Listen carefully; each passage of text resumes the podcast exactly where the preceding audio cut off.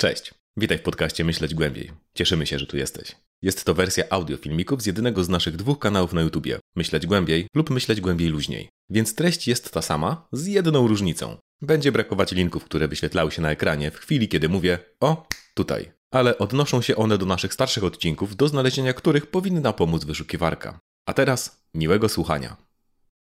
Najpierw słowo transfobia. Podobnie jak ksenofobia czy homofobia, nie oznacza lęku przed osobami transpłciowymi, a niechęć do nich czy dyskryminację. Tylko to prowadzi do dziwnych prób ustalania, jaka dyskryminacja jest w porządku, a jaka jest już transfobiczna. Dlatego spójrzmy bardziej filozoficznie na podstawy transfobii. A jest nimi uznanie, że dana osoba jest tej płci, która została jej przypisana przy urodzeniu, a nie tej, która wynika z jej tożsamości płciowej. Za każdym razem, kiedy mówimy tu o płci, mamy na myśli płeć kulturową, czyli gender. Wyjaśnimy przy końcu. Więc stanowisko nietransfobiczne jest proste. Transmężczyźni to mężczyźni, transkobiety to kobiety. Szybka piłka. Czy osoby transpłciowe zatem czymś różnią się od osób cispłciowych, czyli takich, które identyfikują się z płcią przypisaną im przy urodzeniu?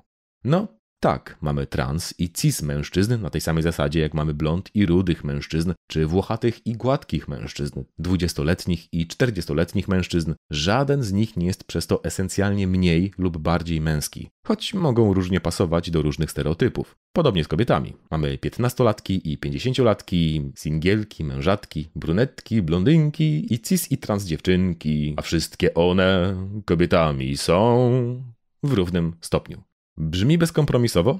To dlatego, że jest punktem wyjścia w rozumieniu świata, zaś kompromis powstaje w wyniku procesu politycznego po starciu się różnych opcji. Dlatego nie ma sensu stwierdzenie nie jestem transfobem, ale to tak naprawdę nie jest Agatka, tylko Jacek. Podobnie jak nie ma sensu nie jestem homofobem, ale tak naprawdę to geje nie pragną mężczyzn, tylko brakuje im czułości ojca. Albo nie jestem rasistą, ale tak naprawdę to czarni nie dorównują białym inteligencją.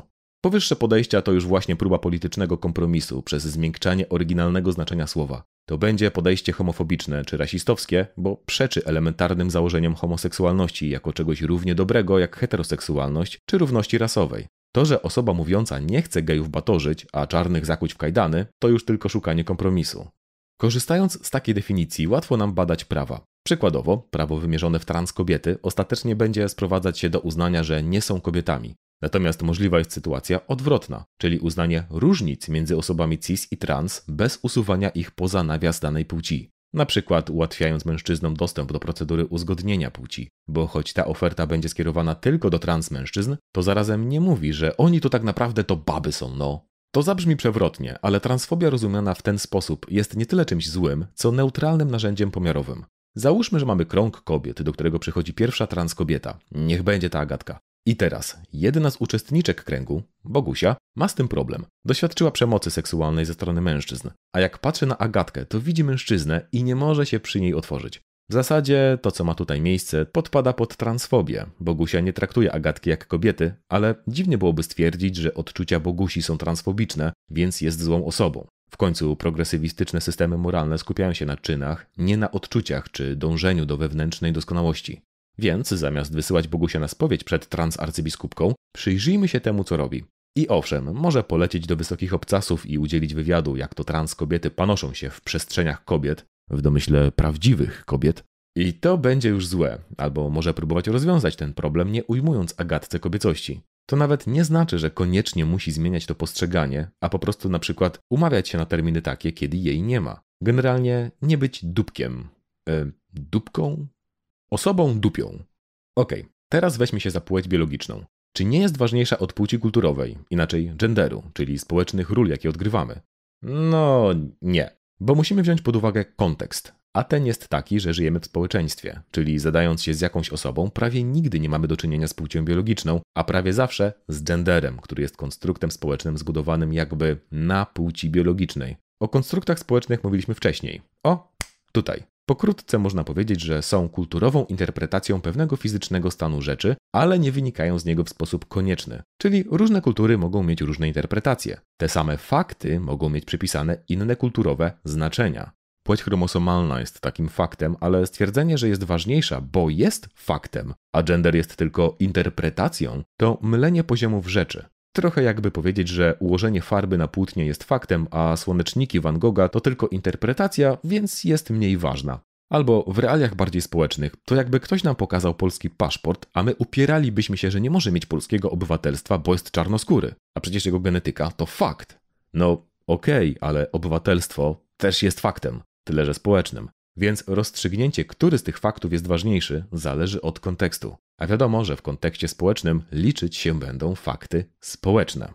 A to, co robić z faktami społecznymi, to już czysta polityka. Nie w znaczeniu walki między Tuskiem a Kaczyńskim, a w znaczeniu filozoficznym, czyli dbania o wspólne dobro. I to nie znaczy, że teraz te transy to są polityczne, a wszystko, co było wcześniej, to było normalne. Nie. To wcześniej to była polityka, w której się wychowaliśmy, więc uznaliśmy ją za normalną. A gender był polityką już w momencie, kiedy w jaskini Ug i Zog oraz Uga i Zoga rozdzielili między siebie role społeczne w oparciu o genitalia.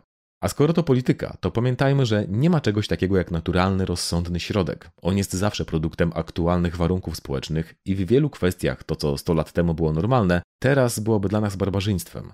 Warto jeszcze wspomnieć o pewnym wybiegu pod szatkami nauki, kiedy mówi się płeć bez uściślania, a potem zaznacza się, że chodzi oczywiście o tę biologiczną, bo przecież płeć to płeć. Pomijając już to, że termin płeć biologiczna nie funkcjonuje formalnie, to jest to zwyczajne oszustwo słowne. Podobnego używają chociażby przeciwnicy aborcji, kiedy mówią, że płód jest człowiekiem, bo przecież nie jest krową, więc ma prawo do życia. Tak zlepiając różne znaczenia słowa człowiek, próbują przemycić przekonanie, że płód człowieka to to samo co dojrzały człowiek. W pierwszym przypadku słowo człowiek funkcjonuje tylko jako nazwa gatunku, czyli przydawka, a nie jako samodzielny byt, czyli rzeczownik. Podobnie próba połączenia płci biologicznej z genderem jako płeć, a potem uznanie nadrzędności tej biologicznej, to też mylenie dwóch różnych rodzajów bytów pojęcia biologicznego i pojęcia prawnego.